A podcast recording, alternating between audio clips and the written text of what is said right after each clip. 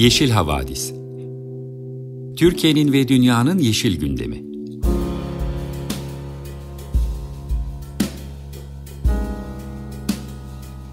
Hazırlayan ve sunanlar Demet Yaman Er, Savaş Çömlek, Dilan Altın Makas, Sare Abit ve Tansu Yeşilkır.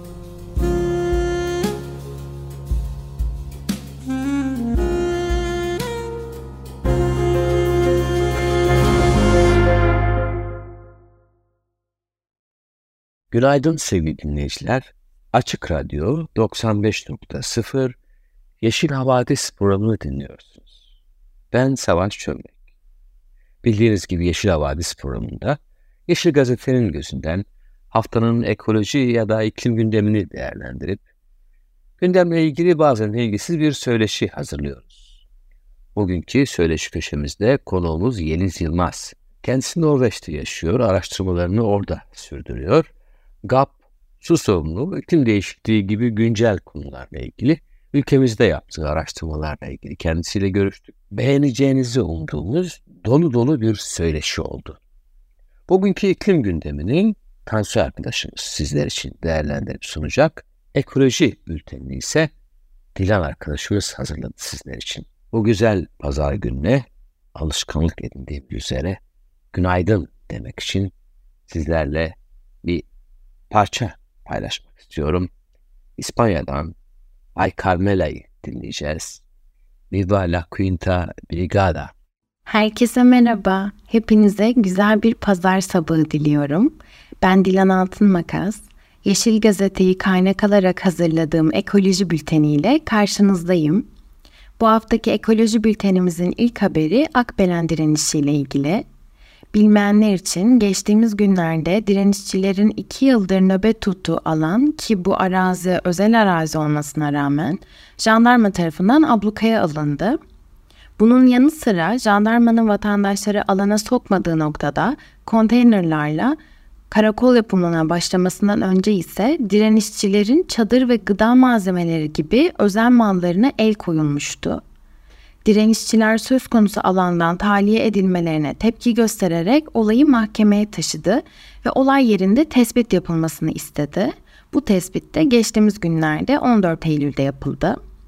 Bilir kişilerin 14 Eylül'de yaptığı arazi tespitine direnişçiler alınmadı ki sadece direnişçiler de değil, direnişçilerin yanı sıra tespit dosyasında vekaleti bulunan avukat Pınar Gayretli de alana alınmadı gayretle jandarmaların barikatları önünden şu açıklamada bulundu. Şu anda özel mülk olan köylülerden birine ait araziye alınmamamız sebebiyle açmış olduğumuz bir delil tespit davasının keşfi gerçekleşiyor. Bu davada ben avukatlardan biriyim ve buna rağmen ben keşif mahalline alınmıyorum ve alınmamamın hukuken hiçbir sebebi yok ve şu an bir emir varsa bile bu hukuka aykırı bir emir.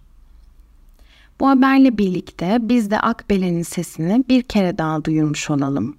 Direniş henüz bitmiş değil. Hala ikiz köylülerin istediği sonuç elde edilmiş değil. Aksine durum günden güne daha da kötüye gidiyor. Bu durumda bize düşen şey eğer imkanımız varsa Akbelen'e gidip direnişi alanda destek olmak. Gidemiyorsak da olabildiğince Akbelen'in sesini herkese ulaştırmak. Yapılan hukuksuzluğu görmezden gelmemek.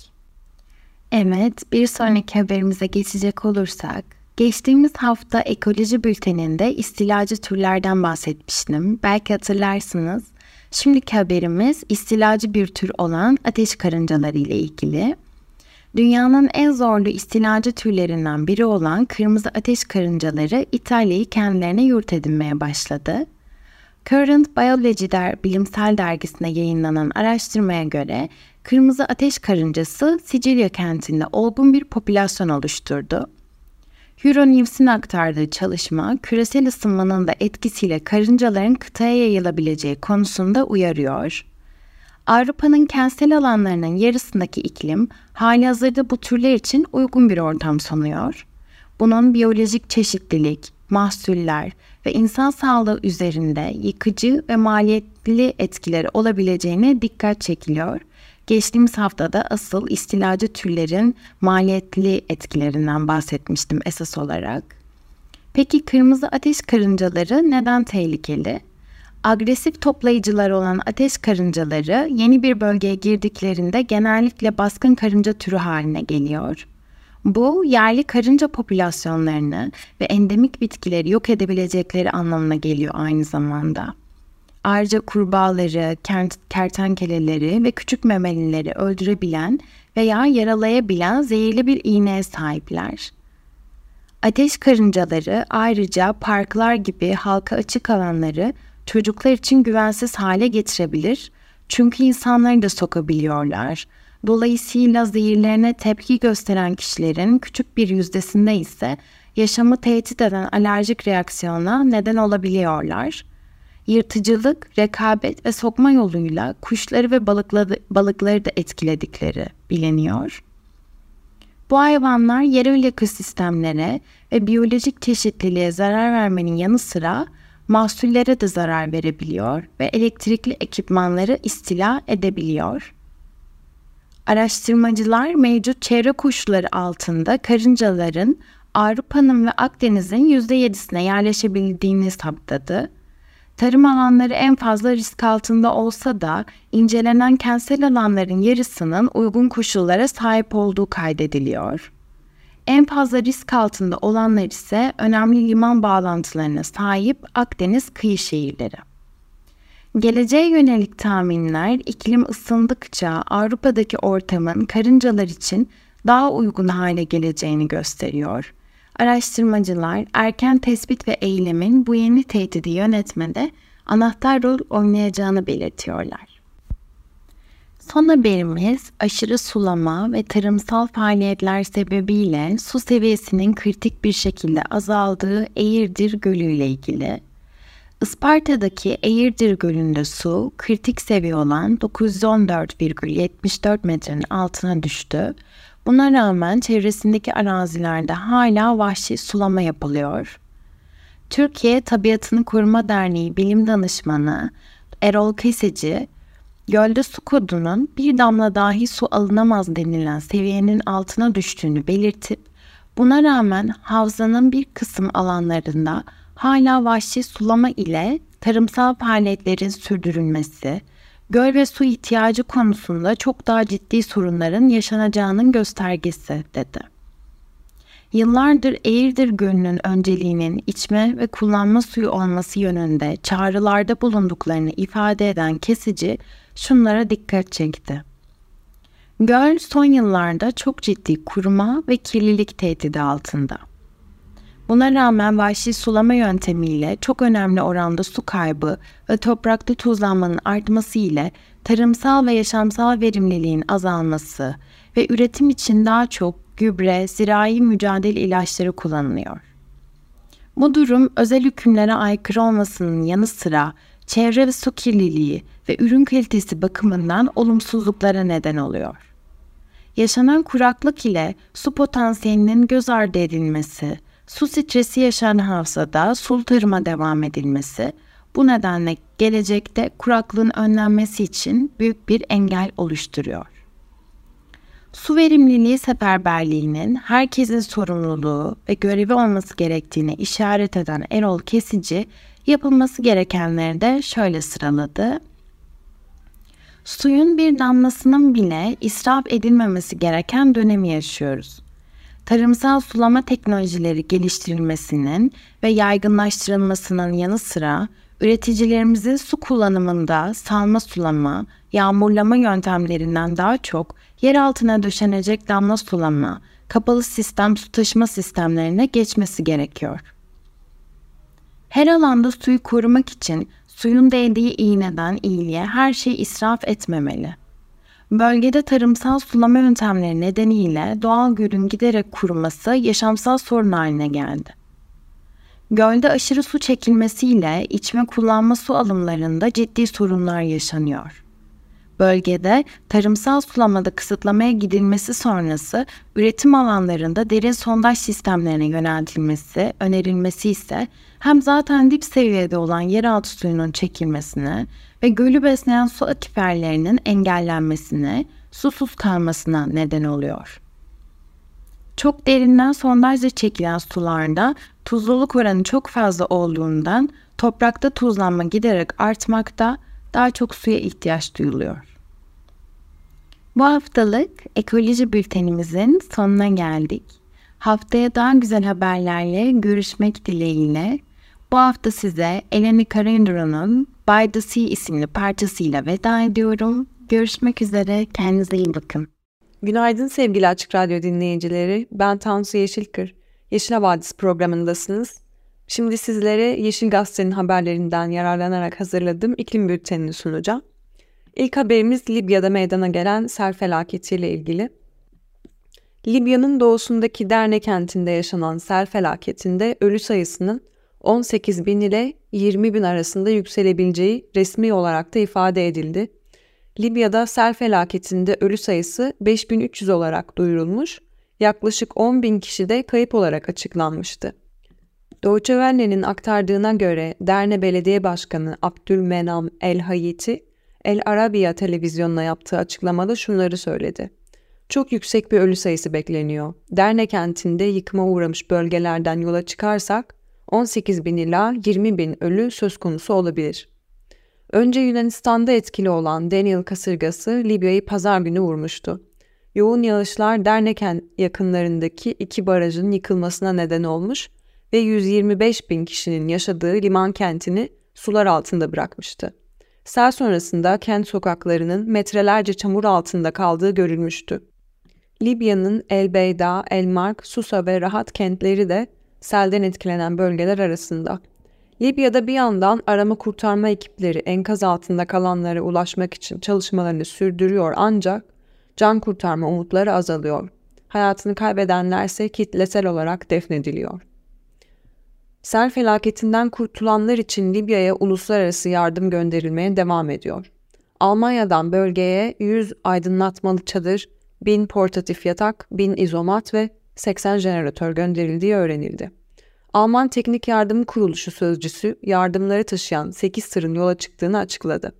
Sınır tanımayan doktorlar örgütü de lojistikçilerden ve tıbbi personelden oluşan bir acil müdahale, müdahale ekibinin derneğe ulaştığını duyurdu.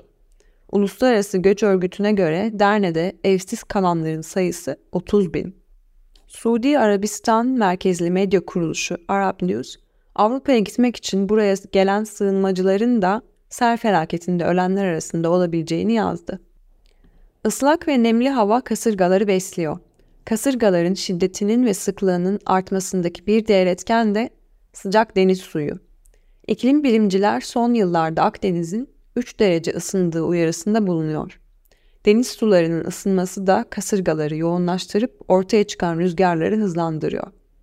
Akdeniz'de oluşan kasırgaların en yoğun olduğu dönem Akdeniz'in güney sularının en sıcak olduğu Eylül ayının sonunda yıl sonuna kadar olan dönemdir diyen bilim insanları Atlantik ve Pasifik bölgelerindeki kasırgalarda en az 27 derece su sıcaklığının ideal olduğunu ancak Akdeniz'deki kasırgaların daha soğuk sularda oluşabildiğini vurguluyor. Meteorologlar ise Akdeniz'deki su sıcaklığının hali hazırda yaklaşık 28 derece olduğunu belirtiyor. Şimdiki haberimiz Van Gölü'ndeki küçülme ile ilgili.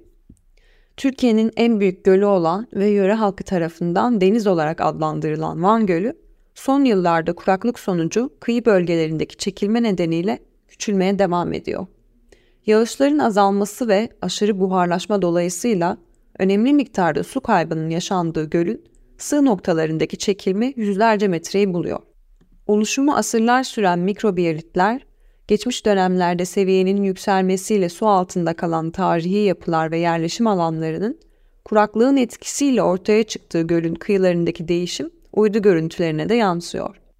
Anadolu Ajansı'ndan Necmettin Karaca'nın aktardığına göre Van 100. Yıl Üniversitesi Su Ürünleri Fakültesi Doktor Öğretim Üyesi Mustafa Akkuş'un ABD Havacılık ve Uzay Ajansı'nın yani NASA, Landsat ve Avrupa Uzay Ajansı'na ait Sentinel-2 uydusunun 2 yıl önceki Temmuz ayına ilişkin görüntüleriyle karşılaştırdığı Temmuz 2023'ün uydu görüntülerinde daha önce su altında olan birçok yerin kara parçasına dönüştüğü görülüyor.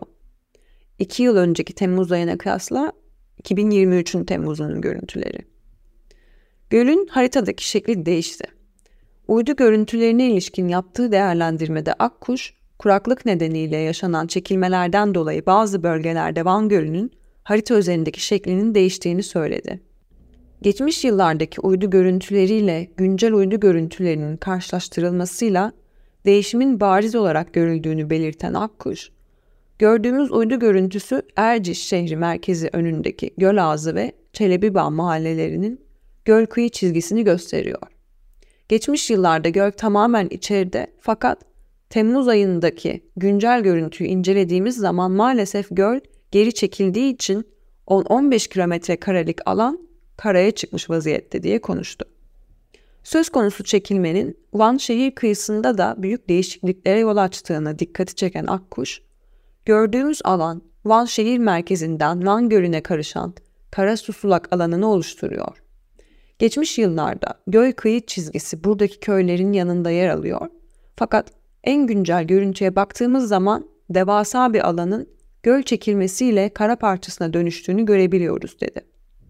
Akkuş, yağışların azalması ve sıcaklığın mevsim normallerinin üzerinde seyretmesinden etkilenen gölün her geçen gün biraz daha su kaybettiğini anlattı. Bu durumun yağışların artmasıyla düzelmesini umut ettiklerini dile getiren Akkuş şunları kaydetti.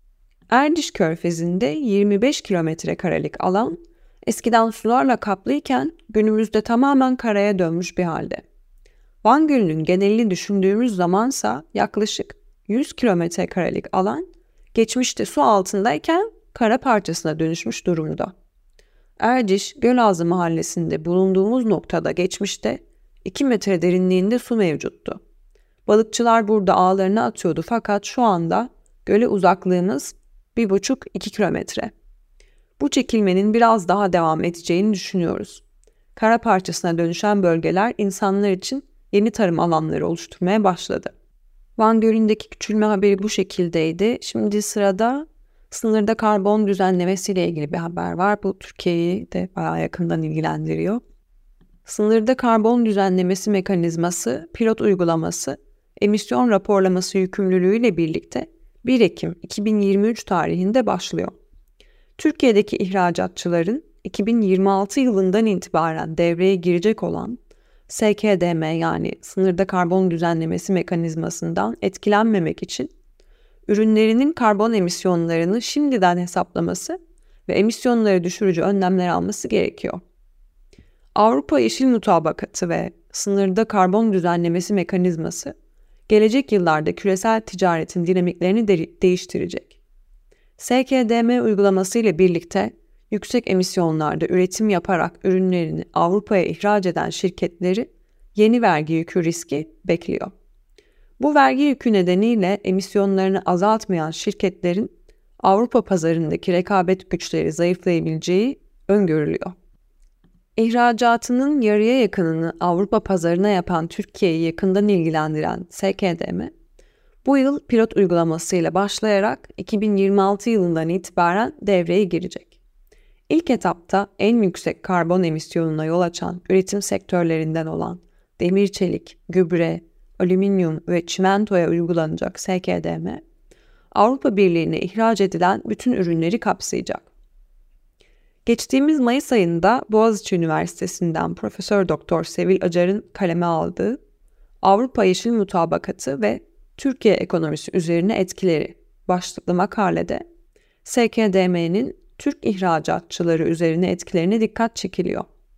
Profesör Acar makalesinde SKDM'nin Türkiye'deki ihracatçılara yıllık maliyetinin en az 1.1 ila 1.8 milyar euro arasında olacağını belirtiyor ve şöyle devam ediyor.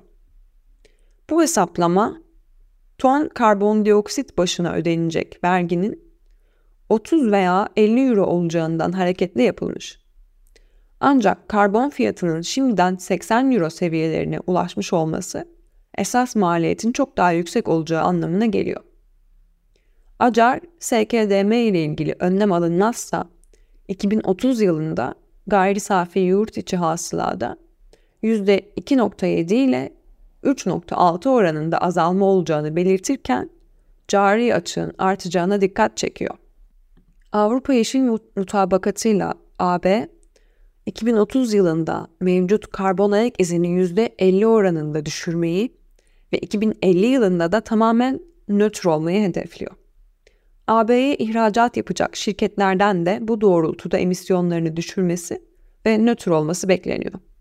Bu doğrultuda 2026 yılından itibaren AB'ye ihraç edilen ürünlerden karbon vergisi alınmaya başlanacak. Sıradaki haberimiz ise Türkiye'nin emisyonları ile ilgili Sabancı Üniversitesi İstanbul Politikalar Merkezi yani İPM tarafından yayınlanan Türkiye çelik sektörünün karbonsuzlaşması mevcut durum başlıklı raporda çelik sektörünün Türkiye'deki enerji tüketiminin %7'si, sanayideki enerji tüketiminin ise %22'sinden sorumlu olduğu belirtilmiş. Türkiye'nin iklim değişikliğiyle mücadele yolunda 2053'te net sıfır emisyon hedefine dayalı dönüşümünün başlaması için bağlayıcı hedeflerinin tanımlanmasının önemine değinen rapor, bu hedeflere erişimin kolaylaştırılmasının gerekliliğine dikkati çekiyor. Uzmanlar, emisyonların azaltılmasına yönelik bir yasal çerçevenin kurulmadığını vurguluyor. Raporda paylaşılan hesaplamalar, ham çelik üretimi yapan ve nihai çelik ürünü üreten tesisler dahil olmak üzere çelik sektörünün Türkiye'nin enerji tüketiminin yaklaşık %7'sinden ve sanayideki enerji tüketiminin yaklaşık %22'sinden sorumlu olduğunu ortaya koyuyor. Yüksek emisyonlu sektörlerden biri olduğu ifade edilen çelik sektörünün oluşturduğu 40 milyon ton emisyon, ülkenin toplam emisyonlarının %7'sini oluşturuyor. İPM İklim Değişikliği Çalışmaları Koordinatörü Ümit Şahin, Türkiye'nin iklim politikalarını oluşturan net sıfır hedefi doğrultusunda tüm sektörlerden kaynaklanan sera gazı emisyonlarının da önemli ölçüde azaltılması gerektiğini vurguluyor. Şahin, karbonsuzlaşma için yapılacak tüm çalışmalara bilgi sağlamak üzere çelik sektörünün bütün safhalarının incelendiğini aktarıyor ve ekliyor. Sanayi sektörleri arasında en fazla enerji tüketen ve en yüksek karbon emisyonuna neden olanlardan birisi olan demir çelik sektörünün karbonsuzlaşma yönündeki dönüşümünde ihtiyaçları ve fırsatları anlamak için sektöre özgü koşulların geçmişten bugüne doğru olarak anlaşılması gerekmektedir demiş. Böylelikle iklim bülteninin sonuna geldik. Sizin için bu hafta Altın Günden Leyla isimli parçalarını seçtim. İyi pazarlarınız ve iyi haftalarınız olsun. Hoşçakalın. Günaydın sevgili dinleyiciler. Açık Radyo 95.0 Yeşil Havadis programını dinliyorsunuz. Bugün değerli bir konuğumuz var. Bir akademisyen Yeliz Yılmaz'la birlikteyiz. Kendisi iklim değişikliği, soğuk ve buna ilişkin e, birçok konuda çalışıyor. Muhtelif makaleleri var. Bir süredir yaptığımız üzere bu alanda yapılan bilimsel çalışmaları sizinle paylaşıyoruz. Bu yazılan makaleleri, e, bu çalışmayı yapan insanlarla bu konuda e, görüşüyoruz Onların bilgilerini sizinle paylaşıyoruz. Bugün sizinle e, su konuşacağız, iklim değişikliği konuşacağız, Güneydoğu konuşacağız. Biraz Baptan ve Fırat ve Dicle tarafından su alan ülkemizin ve bölgenin diğer sorunlarından söz. Hoş geldiniz programımıza. Hoş bulduk. Bize biraz kendinizden söz eder misiniz? Norveç'te yaşadığınızı biliyoruz. Akademisyen olduğunuzu biliyoruz ama e, siz kendinizle ilgili bize ne söylemek istersiniz? Um, teşekkürler. Evet şu an araştırmacı olarak Oslo Üniversitesi'nde çalışıyorum. Um, e, 2019 yılında doktoramı İTÜ'de tamamladım. Bu bahsettiğimiz çalışmalarda oradaki test çalışmamın e, kapsamında yapılmış çalışmalar e, ve güncelliğini hala koruyan konular. E, sonuçlarımızın daha geniş kitleyle paylaşılmasını seviniyorum tabii ki. Ve iklim değişikliğinin özellikle su kaynaklarına etkisi üzerine çalışıyorum. Ee, bunun için birçok metodoloji kullanıyoruz. İklim modelleri dediğimiz e, modellerde benim kullandığım ana metot. Öyle söyleyeyim. Yani bir iklim modelleyicisiyim. Evet, iklim modellemeleri çalışan insanların bize ne çok öngörü açısından deneyim, bilgi, bakış açısı kazandırdığını biliyoruz. Sizin gibi insanlara çok uzun yıllardır çok ihtiyacımız var. Sizin bakış açınıza, sizin gördüğünüz yere de çok ihtiyacımız var. Sizin e, söz konusu olan e, çalışmanız e, Dicle ve Fırat'la ilgili görebildiğiniz, okuyabildiğiniz kadarıyla su sorunu ile ilgili. İklim değişikliği bağlamında biliyorsunuz ülkemizin çok önemli projelerinden bir tanesi. Tarımsal patlama anlamında da GAP çok önemli bir proje. Herkesin yani yıllardır düşüremediği bir proje. Ne kadar başarılı olduğu arasında çok emin değiliz ama çok önemli bir tehlikenin e, birçok tehlikesi var GAP projesinin. Sulama işini e, yönetme konusunda e, tarımın e, tarımsal üretime bakış açısı anlamında da çok ciddi sorunlar var ama e, bugünkü konumuz iklim değişikliği ile birlikte Fırat ve Dicle'nin suları ne olacak? GAP projesi ne olacak? Öncelikle bize bu çalışmanızda konu olan mevzudan biraz bahseder misiniz? Bahsedeyim. Ya dediğiniz gibi gerçekten Cumhuriyet tarihi için çok önemli bir proje. Her anlamda, kalkınma anlamında, ekonomisi anlamında, e, e, e, eğitim sisteminin geliştirilmesi hakkında çok büyük başarılar var. Şimdi buradaki tartıştığımız konu GAP'ın başarısızlığından veya başarısızlığından ziyade GAP'ı hedef alarak yap, çalışma yapmamızdaki en büyük neden çok büyük ölçekli sulama projelerinin orada yapılıyor olmasıydı. Ee, sadece Türkiye değil, dünyanın birçok yerinde bu tarz büyük ölçekli e, gelişme projeleri veya da sulama projeleri, yani tarım projeleri e, yapılıyor. O yüzden Türkiye için de GAP'ı seçmemizin nedeni buydu. Ee, şöyle, insan kaynaklı faaliyetlerin iklime ve ayrıca su kaynaklarına etkisi nedir diye baktık. İnsan kaynaklı faaliyetler derken burada bahsettiğimiz şey GAP özelinde e, artan sulama projeleri yani tarım miktarı ve e, yeniden yapılmış hidroelektrik barajları ve e, santralleri ve barajlar bölgede. E, bu bölgedeki yer yüzeyini değiştiren faaliyetler. Doğrudan olduğu gibi dolaylı olarak da bölgeye etkisi var. Ee, iklim değişikliğinden bahsedelim öncelikle. Bölge için dediğimiz iklim modellerinin yaptığı geleceğe yönelik senaryolar bize genel olarak Türkiye'de ya da Akdeniz havzasında çok güzel sonuçlar maalesef göstermiyor. Artan sıcaklıklar, bu uç değer olayları, azalan yağışları sinyal veriyor genel olarak. E, Dicle Fırat Havzası'nın bulunduğu bölgede böyle bir kırılgan bir bölgede. Zaten Türkiye bilindiği üzere yani çok su zengini bir ülke değil. O yüzden tarihimizde de su kaynaklarını dikkatli kullanma üzerine bir hani e, hassasiyetimiz var.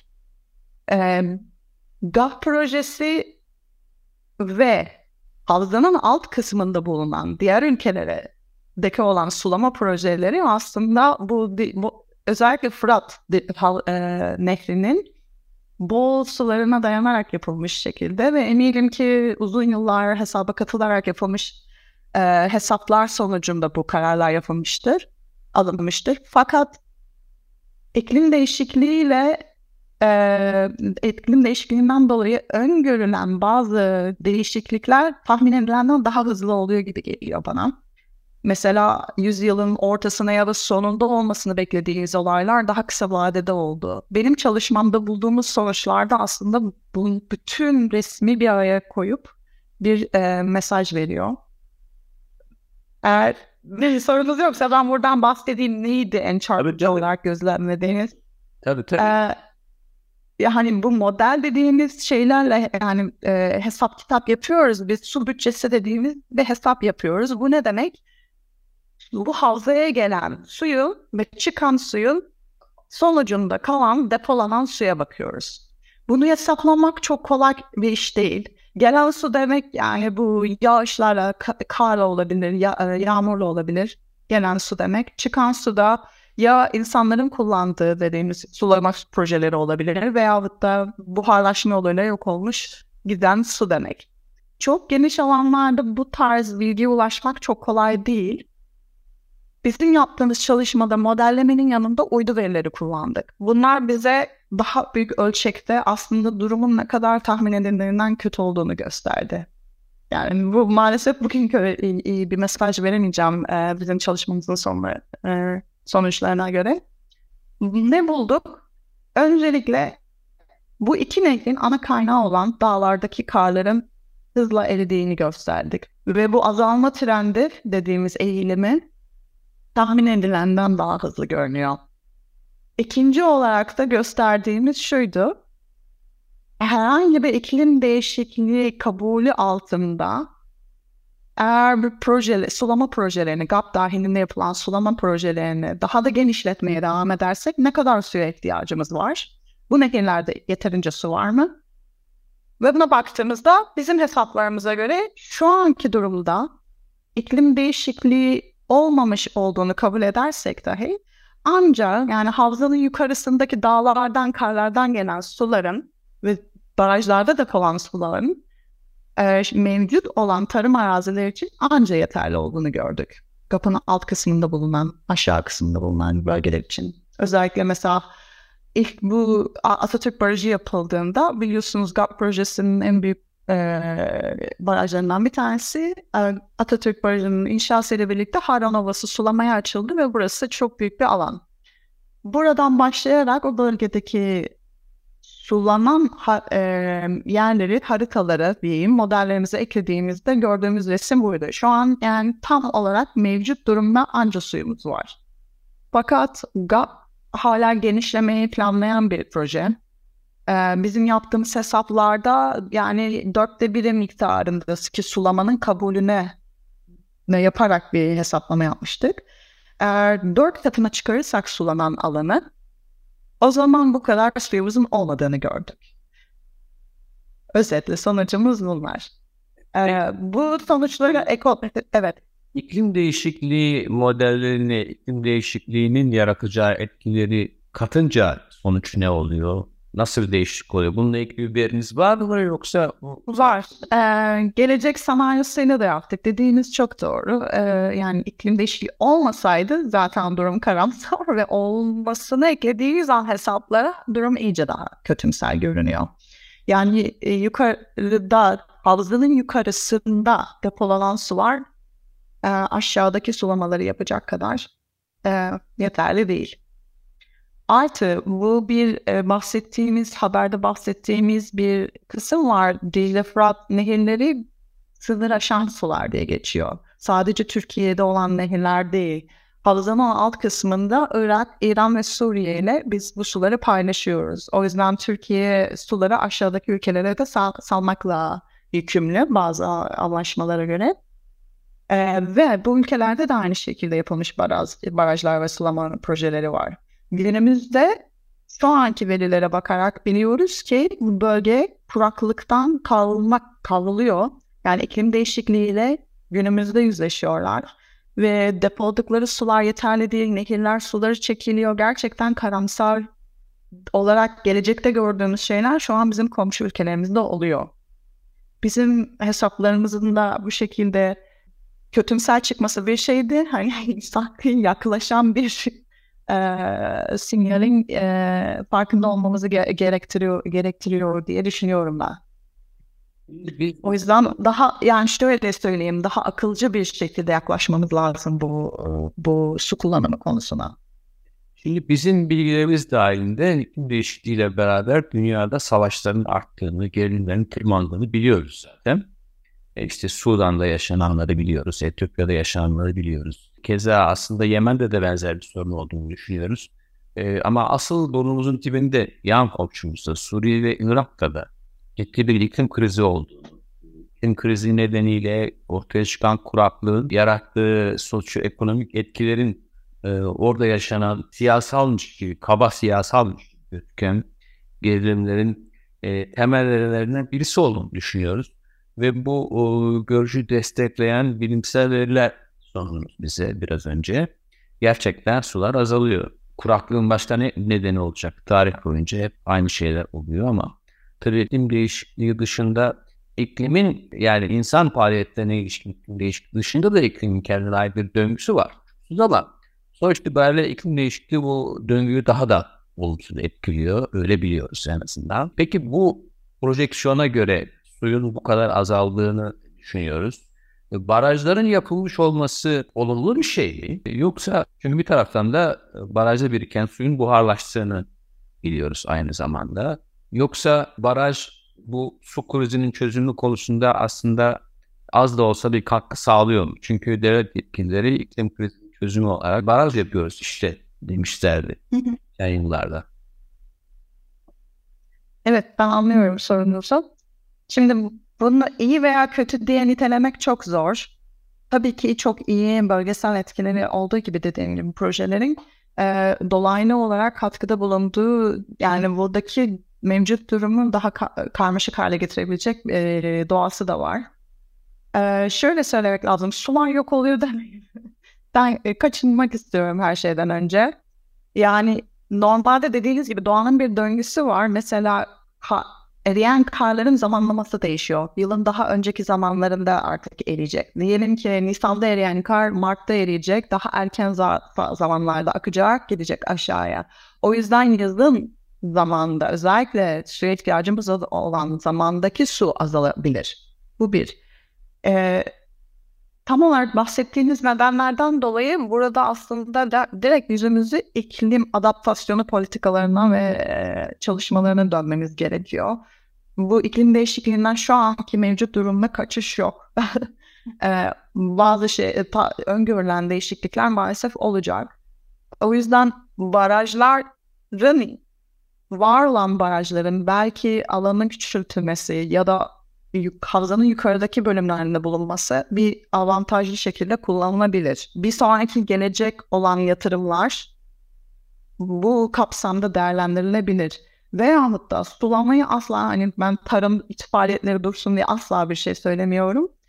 Ee, mevcut şekildeki vahşi sulama dediğimiz hani suyun bütün tarihe açılarak e, akıtılarak doğrudan yapılması doğru bir uygulama değil. Maalesef bu su kayıplarını arttırıyor. Eğer yapılan yatırımlar kapsamında damla sulama dediğimiz bu tarz adaptasyon politikalarına yönelirsek bu işten bir şekilde daha az etkilenebiliriz. O yüzden iklim değişikliğiyle yaşamayı öğrenmemiz lazım. Benim buradan vereceğim mesaj bu. Dediğim gibi iyi kötü demek yerine buna adapte olmayı artık hızlandırmamız gerekiyor. Bunun sadece Türkiye'nin değil, dünyanın her her köşesinde yapılması gerekiyor. Türkiye özellikle e, hani su fakiri olmaya aday bir ülke olarak böyle söyleyeyim.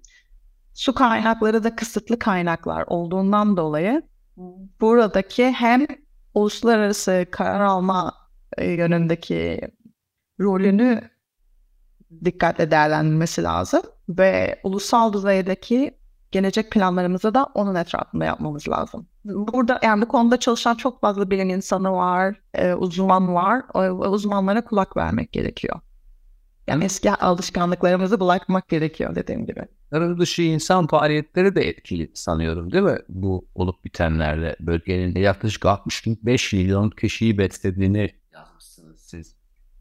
Evet suların doğrudan tahmini bunlar tabii ki. Bu bölgedeki 65 sadece Türkiye değil. Türkiye, Irak, Suriye ve İran İran'daki nüfusun 65 milyonunun doğrudan bu suları kullandığı tahmin ediliyor. E, peki bu paralı dışındaki insan faaliyetleriyle ilgili bir öneriniz var mı? Tarafı yani şöyle söyleyeyim. İklim değişikliğinin insan kaynaklı olduğunu e, biliyoruz. evet. Bu IPCC raporları itibariyle yani fosil yakıtların kullanımı en başta olmak üzere insan faaliyetli kaynaklar bunlar. Bu anlamda uluslararası platformlarda bir paraların alınıp hiçbir şekilde zaman kaybedilmeden bugün uygulamaya başlanması lazım. İnsan kaynaklı faaliyetler bunlar. İklim değişikliğine yol açan. Yani dönüp dolaşıp yine fosil yakıtlara geldik. Fosil Tabii ki. Yakıtlar bu, bu buradan çıkışımız yok gibi gözüküyor. Yok. Türkiye çok büyük bir potansiyeli var bulunduğumuz enlemler itibariyle. Yani bizim gerçekten yenilenebilir kaynaklara, özellikle güneş enerjisine, rüzgar enerjisine, alternatif enerji, ten, yenilenebilir temiz enerji kaynaklarına yönelmemiz lazım ülke olarak. Burada hemen aklımıza gelen yenilenebilir enerji kaynakları arasında sıralanıyor Türkiye'deki değerlendirmelerde. Hidroelektrik santrallerden sağlanan elektrik evet. enerji çeşitliliği açısından da değerli bir kaynak aslında Türkiye'deki oranı da çok yüksek. E, sizin verdiğiniz verilere göre bu e, enerji üretiminde de ciddi sıkıntılar yaşanacak önümüzdeki günlerde öyle anlıyoruz. Su debisi azaldıkça tabii ki elektrik üretimi de azalacaktır. Bu konuda herhangi bir bilginiz var mı? E, benim de oradan bir çalışmam yok ama e, bahsettiğiniz Norveç'te yaşıyorum. Buradaki ana enerji kaynağı ülke içerisinde kullanılan tamamen hidroelektrik santrallerden sağlanıyor ve yenilenebilir enerji olarak geçiyor. Aynı zamanda ülkede çok fazla miktarda fosil yakıt kaynağı da var. Fakat Norveç bunu kendi lokalinde kullanmıyor ama bunun çıkarımını yapıp başka ülkede satıyor. O, o tarz bir ülkede yaşıyorum şu anda. Buna dayanarak söyleyebileceğim şey buradaki şirketler ya da operatörler e, hidroelektrik santrallerinden sorumlu olan otoriteler diyeyim. Çok yakından bahsettiğiniz gibi e, takip ediyorlar bu debisi olsun, kar örtüsü olsun, e, nasıl öyle erime zamanları olsun. Bunun etrafındaki hem yapılan araştırmalar hem de yatırımlar buradaki en önemli çalışma enerjiye dair. Yani Türkiye özelinde olan bir konu değil. Dediğiniz gibi yani hidroelektrik santrallerin yenilenebilir sayılması bazı kaynaklara göre çok temiz bazılarına göre değil. Ee, ama mevcut durumda temiz bir kaynak ee, ama kısıtlı su kaynaklarının olduğu bir yerde onu da çok dikkatli bir şekilde uygulamaya koymak lazım. Bir tane nehir üzerine yani onlarca santral koyup nehirin akmasına izin vermeyip oradaki ekosistemi gerçekten kalıcı bir şekilde zarar vermek o biraz vahşi bir şekilde yaklaşmak oluyor. Sürdürülebilir planlarla e, uygulamalar yapmamız lazım genel eğilim zaten geçmişte de uygulanan şeyler. Bunlar bizim ülkemizde aslında bir ırmakta bir tane bir santral olurdu. O da o köyün, o kasabanın, o şehrin elektriğini sağlardı. Ben öyle bir kasaba da bildim. Bizim bir tane ırmakta bir tane şeyimiz vardı. E, hidroelektrik santral denilemez ama bir tane küçük bir cihaz vardı. O bizim elektriğimizi sağlıyordu. Sonra interkonnekte sisteme girildi. Benim çocukluğumdaki hikaye tabii. Sonra tabii işler de o santralde kapandı. Dediğiniz gibi insan hayatının, insan hayatının bir ömrünün süresince gözlemleyebileceğimiz değişiklikler bunlar. Evet. Karadeniz yapılışları çok vahşi tabii yani. Bir ırmağın üstüne onlarca santral kuruyorlar ve tabii ki oradaki ekosistem tamamen yok oluyor. Ama bunların da çok da bir ömrü yok zaten. Bir inşaat faaliyeti. Sanki inşaatçılıktan para kazanma faaliyetiymiş gibi gözüküyor. Çünkü o su kaynakların kalıcılığıyla ilgili bir garantimiz de yok. Suların akacağına emin değiliz yani. Bir taraftan da bizim ülkemizde bu tür hesapların yeterince yapıldığına inanmıyoruz, güvenmiyoruz. Ama siz e, Norveç'teki iş insanlarının bu hesapları yaptığını söylediniz. Doğrusu o tabii bu hesapları da yapmak lazım. Tabii bir tür boşuna yatırım oluyor sonuçta. Bizim e, emeklerimiz, bizim vergilerimiz çarçur ediliyor bir içinde diye düşünüyoruz. E yani e, işin araştırma ve geliştirme kısmına yatırım yapmak da en azından o inşaatlara yatırım yapmak kadar önemli dediğiniz gibi. Var olan bilgi birikimini ve e, insan gücünü e, en azından e, e, beyin gücüyle diyeyim e, mantıklı kullanmakta o kaynakları e, dikkatli kullanmakla aynı denklemin içerisinde bence. Yiğit Hanım çok teşekkür ederiz. ben teşekkür ederim. Verdiğiniz için programımızın sonuna geldik. Hatta bir sürede geçtik. Gayet güzel bir program oldu. Ee, sizinle konuşmak da çok keyifliydi. Ee, umarım başka genellikle yeni programlarda görüşürüz. Tekrar teşekkür ederiz. Ben teşekkürler konuk ettiğiniz için. Sevgili dinleyiciler, Şimdilik hoşçakalın. Bugünkü söyleşi köşemizin sonuna geldik. Bir sonraki programda görüşmek ümidiyle hoşçakalın diyoruz.